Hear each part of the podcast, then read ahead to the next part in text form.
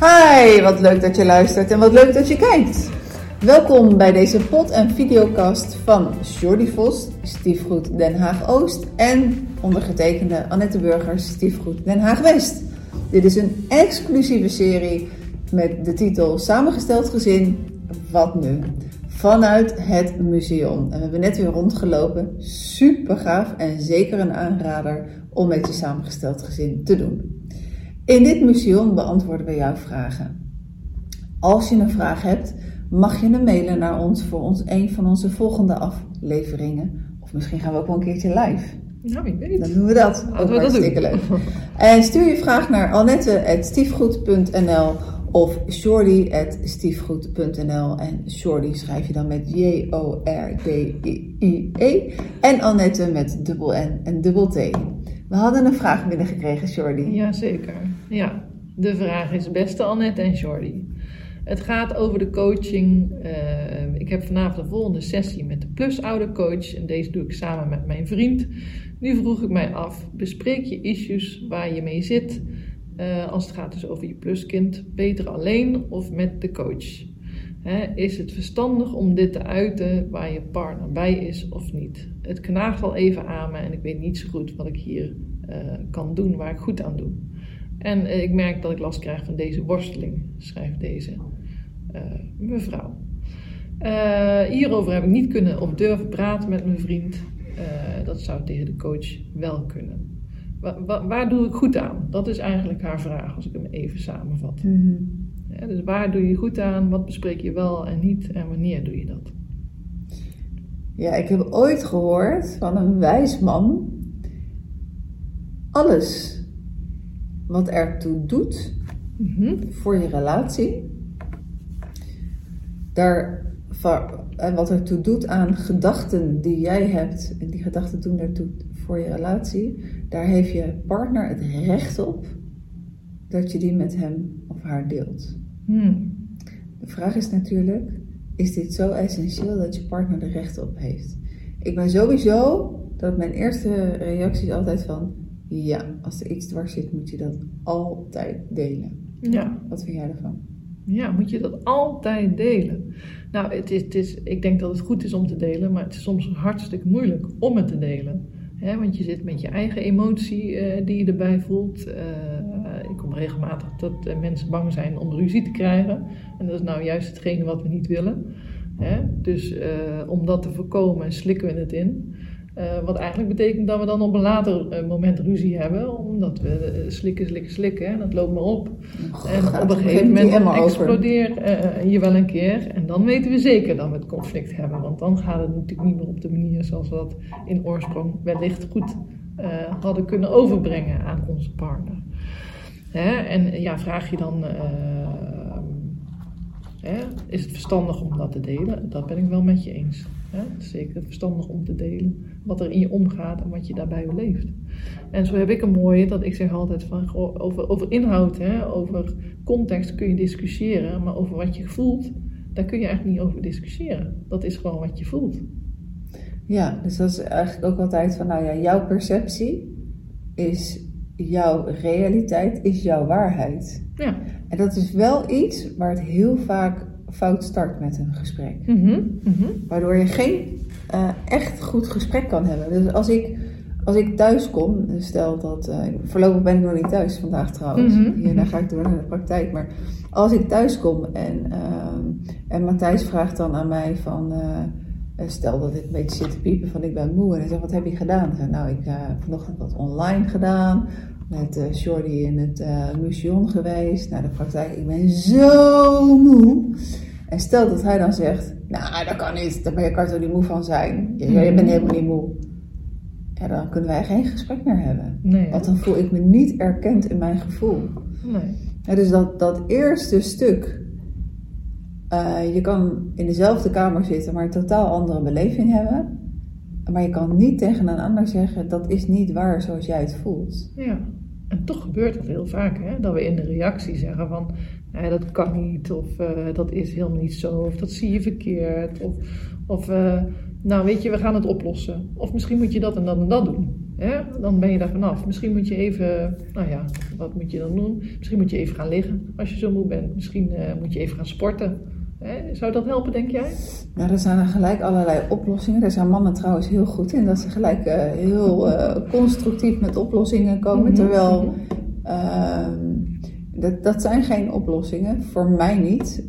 het, in eerste instantie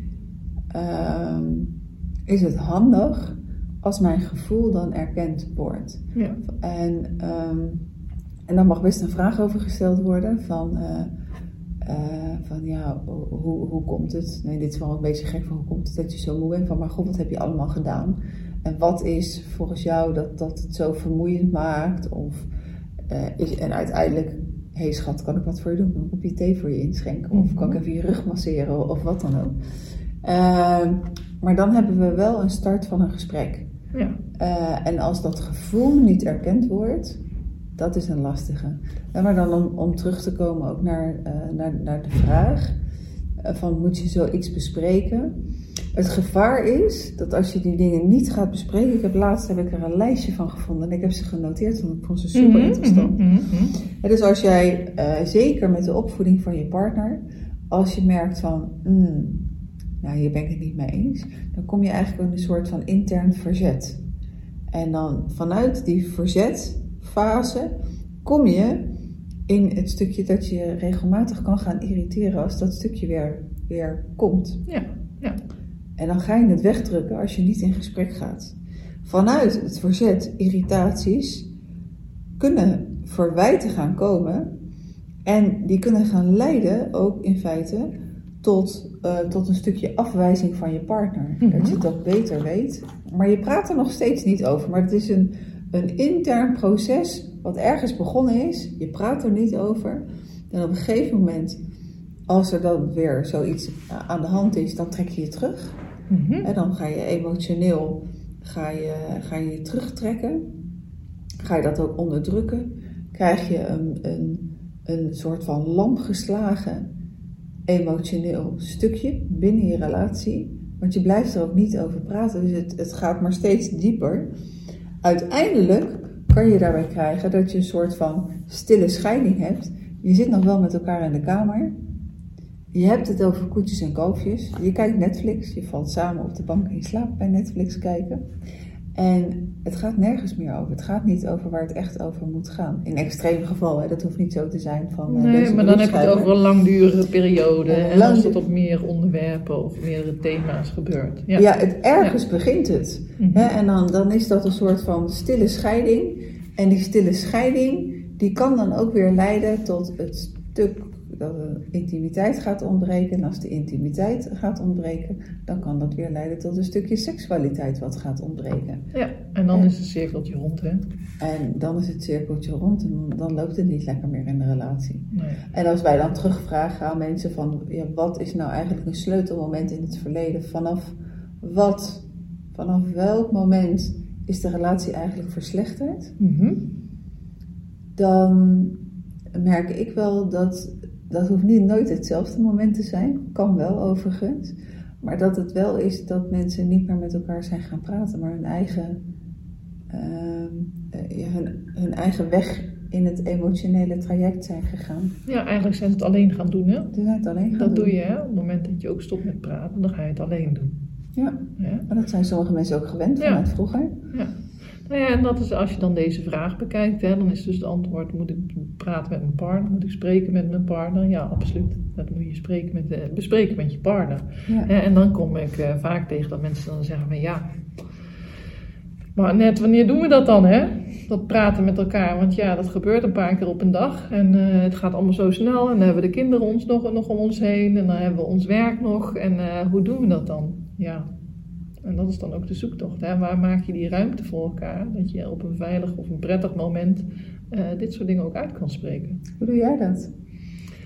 Um, hoe ik dat in mijn eigen relatie mm -hmm. doe, is dat ik daar vaste momenten uh, voor heb met mijn partner. Wij gaan bijvoorbeeld uh, minimaal, nou ja, het streven is iedere week, maar minimaal eens in de twee weken zorgen wij dat wij ergens een restaurant boeken. Dat de oppas thuis op de bank zit. Uh, en dat we volledig de aandacht voor elkaar kunnen hebben. En dat wil niet zeggen dat we het dan alleen over moeilijke, ingewikkelde dingen hebben of, of, of die op de plank zijn blijven liggen. Dan komen natuurlijk ook andere eh, onderwerpen aan bod. Uh, maar we creëren daarmee wel ruimte om daar het gesprek te kunnen hebben als dat nodig is. Hè? We hebben ook het onderzoek gedaan van oké, wanneer voel ik mij nou alleen en wanneer voel jij je nou alleen? Hè? Of wanneer voel ik me hier niet van belang? En dat zijn de, de, de, de diepere hechtingsbehoeften, de hechtingsangsten die geraakt kunnen worden, om die wel op tafel te krijgen. En dat ook te leren kennen van elkaar. Want op het moment dat je dat leert kennen van elkaar, dan kun je daar bij aansluiten. En dan komen we eigenlijk weer terug op het stukje waar jij zegt, even heel simpel, ik voel me moe. Dat uh, jouw partner uh, op dat moment kan aansluiten. Oh, net je bent moe. Ah ja, ik zie het aan je. En wat kan ik voor je doen? Kan ik dat kopje thee uh, kopje thee en die massage. En die massage niet te vergeten. Maar daar sluit je dus aan op, op het gevoel even van de ander. En daar vindt die erkenning, ja, die erkenning en het, het gezien worden dan plaats. Hmm. We hebben het uh, iets vaker dan, uh, dan één avond per twee weken. We hebben mm -hmm. ook geen kinderen meer thuis. Maar het is Mhm. inderdaad dat wij afgesproken hebben, een van de afspraken binnen onze heilige ruimte. De exclusiviteit wat wij uh, bewaken met z'n tweeën. Dat Mhm. ondanks dat we drukke levens hebben, hebben wij de woensdagavond voor ons samen, de vrijdagavond en, en de zondag. op maandag en dinsdag gaat hij bij, bij twee nou ja, structureel bij, bij twee dochters eten. En uh, die gebruik ik voor uh, mijn vrije tijd, mijn vriendinnen of werken. Mm -hmm. En de donderdagavond is voor mij een werkavond. De vrijdagavond zijn we dan samen. Uh, zaterdagavond is om te delen met, met, met, met vrienden, met familie. En zondag overdag gaan we in ieder geval ook samen. En dat betekent ook wel dat we samen naar mijn moeder gaan of samen iets doen. Ja. Maar in ieder geval, en natuurlijk, het is geen wet van mede en persen. Uitzonderingen bevestigen de regels. Maar het is wel iets dat ik, als ik iets wil plannen op zo'n dag, dat ik dat wel even overleg. Andere momenten overleg ik niet, maar uh, dan is het wel van die vrijdagavond zullen we dan uh, de ceremoniemeester voor ons huwelijk uitnodigen, of zullen we de, de babs uitnodigen, of zullen we die en die vriendin Mhm, uitnodigen. Dat overleggen we even, uh, want anders dan um, raken we elkaar kwijt. Ja, ja. Een stukje zorg voor je relatie eigenlijk, wat je doet, hè? Ja. En dat is in iedere relatie dat je daarvoor moet zorgen. Hè? Liefde is niet voor niks een werkwoord, hè? die kennen we wel. Die kennen we allemaal. Hè? Maar gezien de uitdaging in een samengesteld gezin benadruk ik ook altijd dat het heel goed is om, om daar uh, die expliciete aandacht uh, ja. aan te geven. En wat niet expliciet is, ook om dat expliciet te maken, want dat is hetgene wat jij eigenlijk nu ook zegt. Uh, soms heb je ook van die afspraken en die heb je dan niet hardop uitgesproken tegen elkaar. Ja, maar op het moment dat je gewend bent om geregeld op donderdagavond bijvoorbeeld dat etentje te plannen, dat noem ik nu als voorbeeld, dat dat eigenlijk een, een ongeschreven regel wordt of een ongeschreven afspraak. Ja, op het moment dat een van de twee dan toch iets doet op die avond, dat de teleurstelling dan ja, groot is. Oh, absoluut. Dus ja. daar, ook dan is het gesprek nodig om dat juist wel expliciet te maken. Ja, ja. Om dat over tafel te krijgen. En dat is lastig met samengestelde gezinnen. Ik had laatst van de week mm -hmm. uh, ook een gesprek en uh, toen gaven ze aan, uh, ze hadden allebei kinderen. en de dame in deze kwestie had kinderen bij twee verschillende mannen. Mm -hmm. waardoor ze te maken hadden bij elkaar met drie exen. Dat was niet helemaal goed op, af, op elkaar afgestemd. Dus zij hadden de hele week door kinderen. Ah, ja. En toen was mijn vraag: en wanneer zijn jullie dan voor het laatst met z'n tweeën weg geweest? Nou, dat was heel lang geleden. Ja. ja dus dat, uh, die, die, tijd maken voor elkaar, uh, dat was wel een ding. Ik denk dat we hem wel beantwoord hebben, of is er nog. Wij vinden allebei dat die eerlijkheid uh, en Belangrijk dat praten is met het elkaar. gesprek aangaan. En ik denk dat die coach dat ontzettend goed kan begeleiden. Dus ik zou deze mevrouw uitdagen om het vooral wel op tafel ja.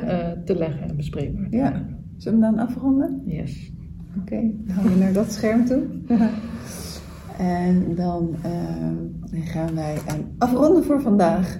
Deze podcast is te beluisteren via iTunes, Spotify of Soundcloud.